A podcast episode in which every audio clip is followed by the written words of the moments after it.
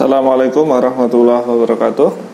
Alhamdulillahirrahmanirrahim Kita ketemu lagi dengan saya Dr. Bram Irvanda dari Irvanda Capital. Kali ini kita akan membahas salah satu emiten consumer good Yaitu Wood WOOD Atau PT Integra Indo Kabinet. Jadi Wood ini adalah perusahaan perkayuan tapi dia punya produk itu dari hutan tanaman industrinya sampai produk jadinya. Jadi dari hulu ke hilir di bidang kayu dan furniture. Nah wood ini sekarang jadi perusahaan manufaktur kayu terbesar di Indonesia. Wood sendiri berdiri di tahun 1989 sebagai perusahaan manufaktur kayu terus melakukan IPO di tahun 2017 dengan harga 260 per saham saat ini harga saham Wood sudah 815 jadi sudah lebih dari tiga kali lipat pertumbuhannya.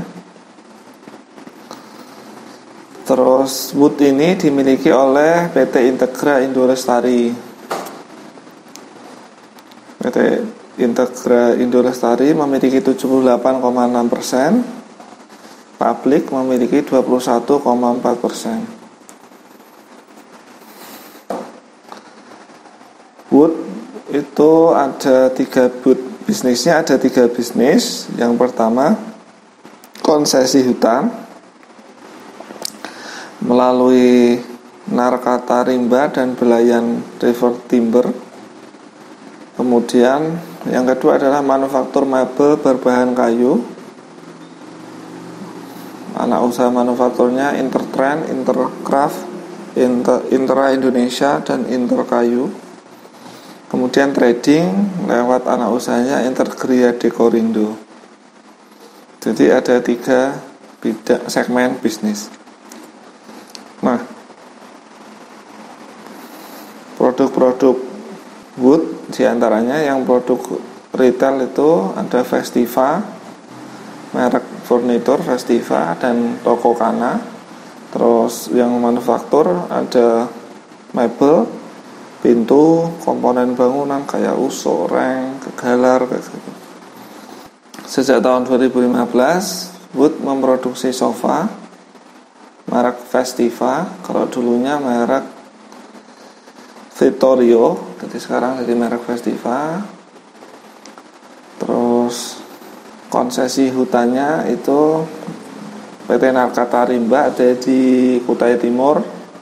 Kemudian PT Belawan River Timber ada di Kutai Kartanegara. Keduanya di Kaltim. Terus untuk yang retail dan distribusi eh, seperti tadi merek Festiva sama toko Kana.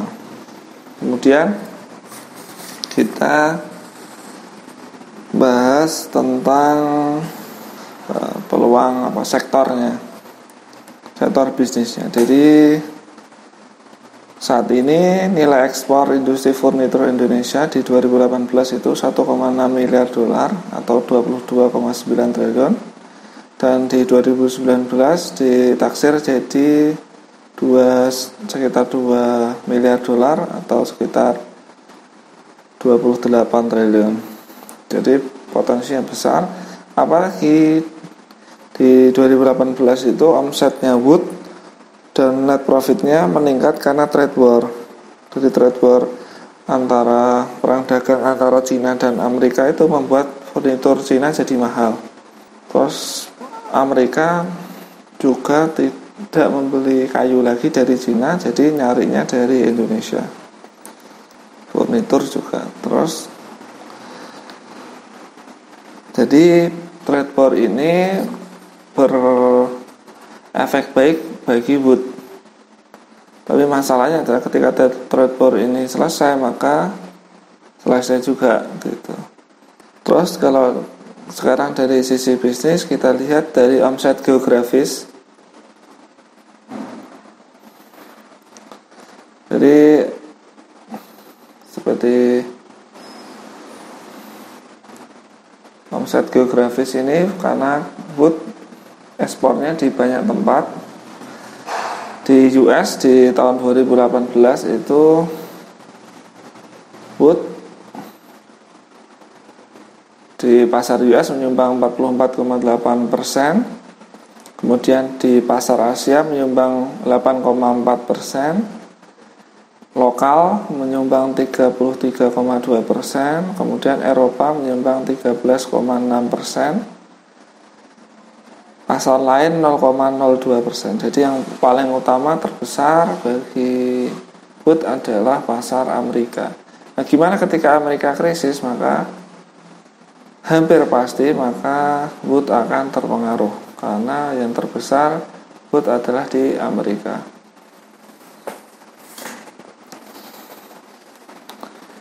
Terus berikutnya dari omset menurut kategori atau segmen. Jadi dibagi manufaktur lokal, terus kehutanan, trading, dan manufaktur ekspor.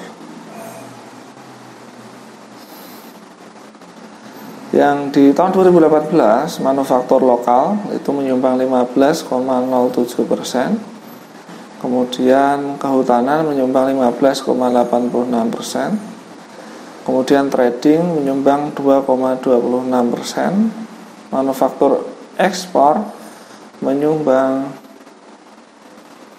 66,8 persen ya. Jadi ini informasi geografisnya dan penjualan berdasarkan segmen. Jadi seperti itu. Jadi di menurut segmen ini yang terbesar adalah manufaktur ekspor. Nah, manufaktur ekspor ini seperti kita ketahui di US dan Eropa nomor satu. US dan Eropa ini e, mencatatkan lebih dari 50% omset wood. Jadi ketika nanti US krisis kena resesi atau Eropa kena resesi maka wood omsetnya kemungkinan besar akan menurun juga.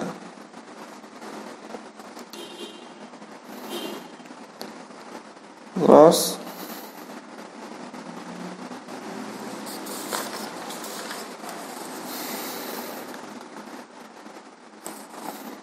kita bahas ke masing-masing. Masing-masing ke segmennya. Narkata Rimba bagian dari segmen kehutanan wood. Itu punya lahan atau memiliki konsesi lahan 41.540 hektar di Kota Timur yang produknya white and red meranti jadi meranti merah dan meranti putih Nah, kata rimba ini yang pertama di di apa dimulai di 1989. Jadi pertama didirikan di 18 1989. Terus Belayan River Timber berdiri di 1997 di kota Kertanegara. Produknya sama meranti merah dan meranti putih. Kemudian kemudian yang PT Integra Indo Kabinet yang induknya awalnya itu didirikan 1989 awalnya produksi rak CD rak CD berbahan dasar kayu dan plastik untuk pasar US kemudian tumbuh-tumbuh-tumbuh sekarang produk utamanya yaitu knockdown door bedroom furniture, panel furniture dan komponen-komponennya. Jadi ekspornya Integra Indo Kabinet itu 63%, domestiknya 37%. Kemudian Intertrend utama berdiri 1998 outdoor dan indoor furniture ke US yang pasar utamanya indoor dan outdoor furniture ini pasar utama US dan building komponen pasar utamanya Eropa. Ekspornya menyumbang 91% pasar lokal menyumbang 9% kemudian berikutnya Intera Indonesia. Didirikan 2012 produk utamanya Berkor dan Natural Fiber Furniture 91% diekspor 9% untuk lokal. Kemudian anak usaha berikutnya Intercraft didirikan 2002 produknya adalah Incase Good sama atau bedroom furniture dan proyek hotel jadi kayak palet apa namanya itu sampai lupa. Yang dindingnya hotel itu yang 73 persennya diekspor kemudian yang segmen distribusi yaitu Intergria Dekorindo didirikan 2013 jadi masih baru ada tiga pusat distribusi di Surabaya, Jogja, dan Tangerang melayani 320 toko di Indonesia. Terus ada dua brand yaitu toko retailnya namanya Kana. Ini toko retail premium jadi toko retail Kana ini menjual juga produk produk apa namanya impor. Kemudian untuk produk Furnitur lokalnya namanya Festiva. Nama lamanya Vittorio. Ini untuk menengah ke bawah, untuk sekitar segmen kelas D.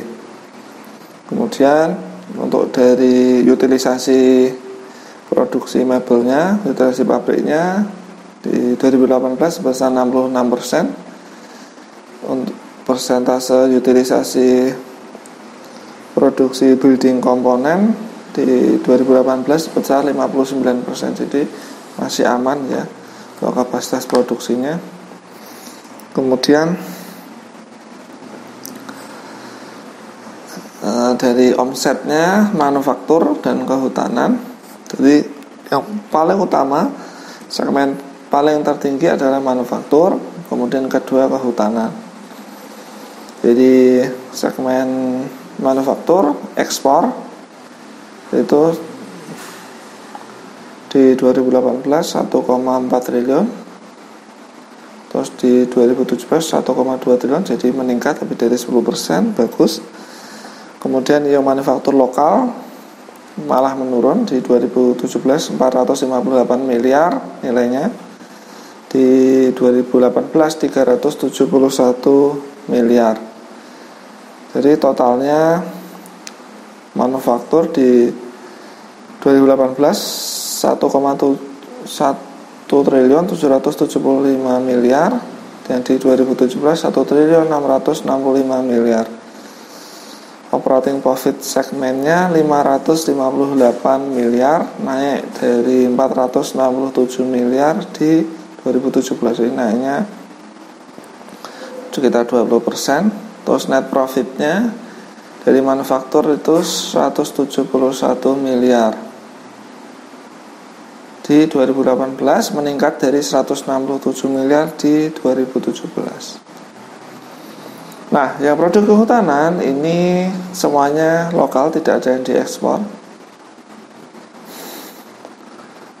Dari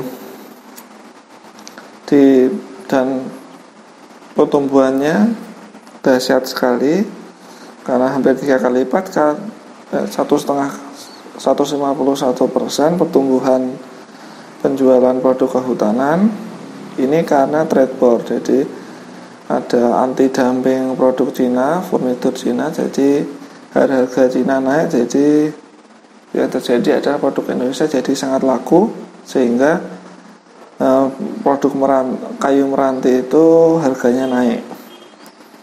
Di 2018 omsetnya 395 miliar sedang naik 151 persen dari omset produk kehutanan di 2017 besar 192 persen. 192 miliar. Terus operating profitnya untuk segmen kehutanan itu 155 miliar.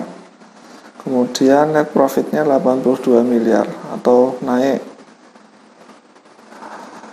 lebih dari enam kali lipat dari net profit di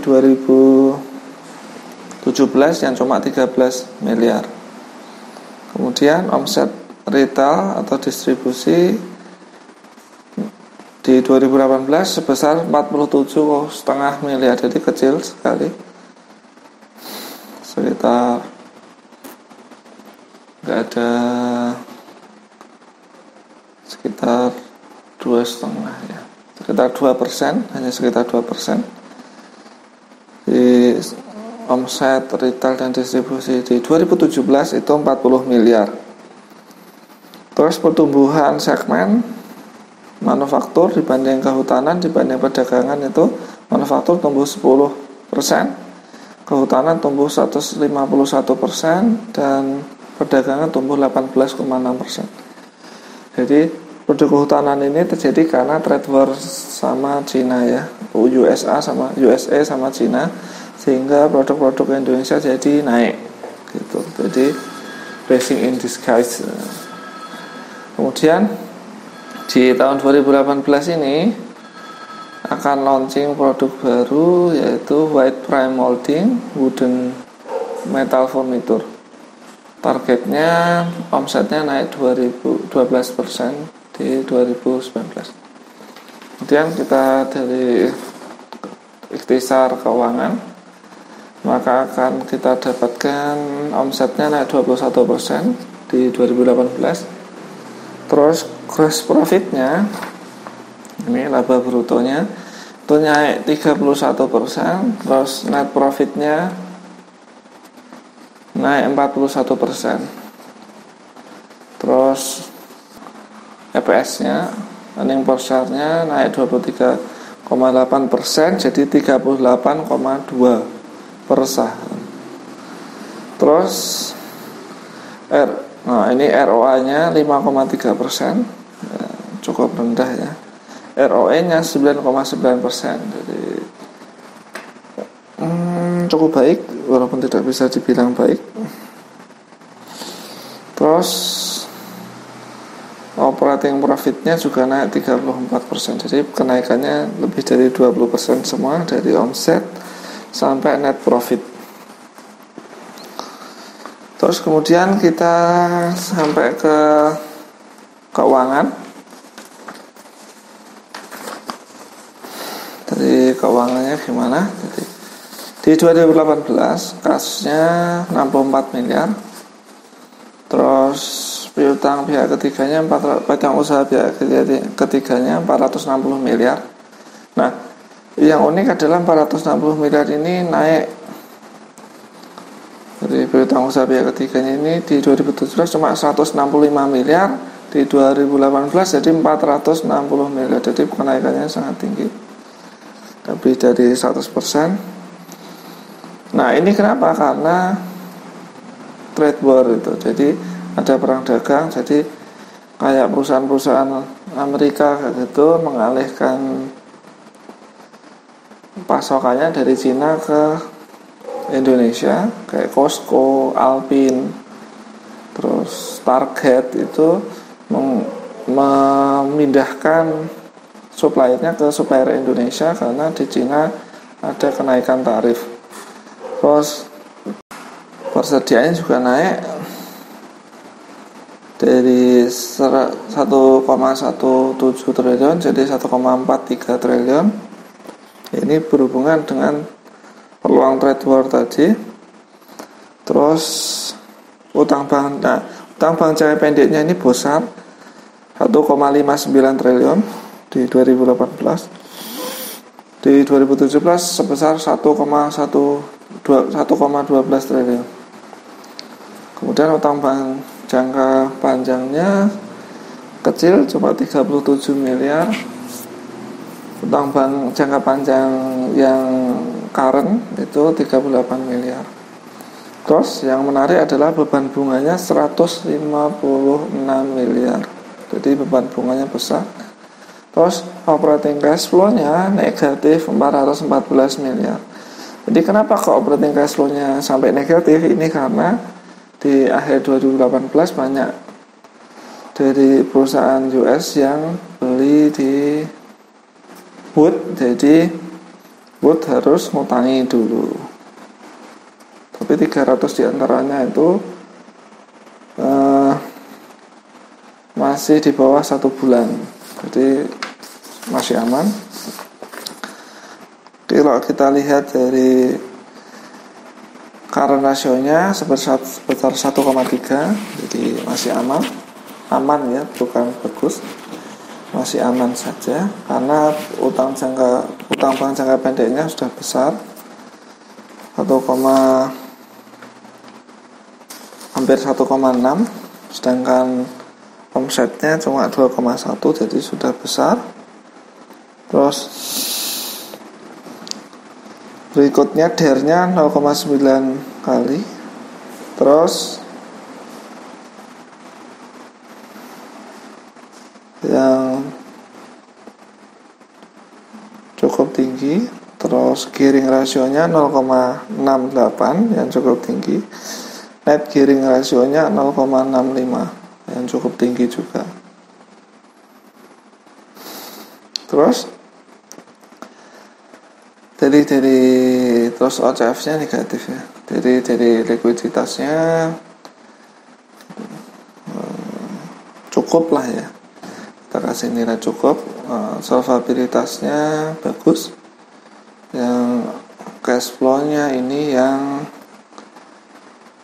eh, masih kita pertanyakan tapi kalau dilihat dari masa sebagian besar masih dalam 30 hari piutang umurnya 30 dalam waktu kurang dari 30 hari maka cash flow-nya masih aman.